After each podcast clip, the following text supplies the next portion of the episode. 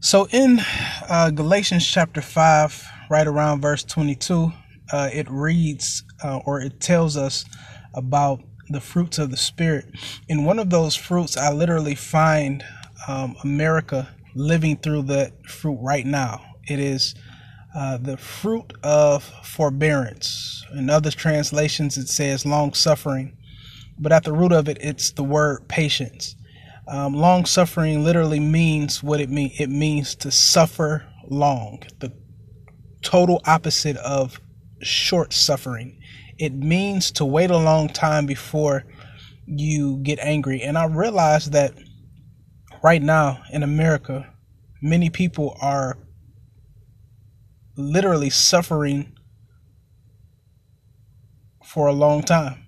We're suffering right now because uh, you, you can't really do what you want to do, what you normally do, which is causing people to get impatient and grow anxiety. But yet and still, um, I, I do believe that this fruit of long suffering, to have a long temper, to wait a long time before you um, show signs of anger, is what God is calling us to live or to cultivate.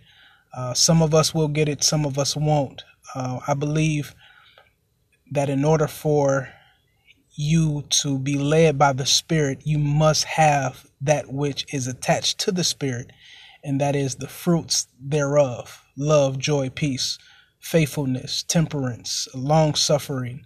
Um, all of these um, fruits are signs that God is working and, and, and, and His presence is evident in your life.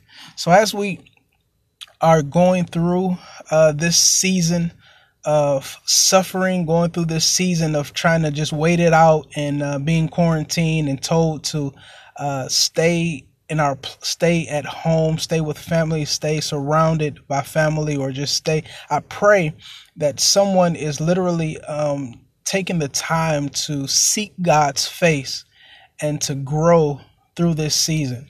Um, this this this long suffering um, literally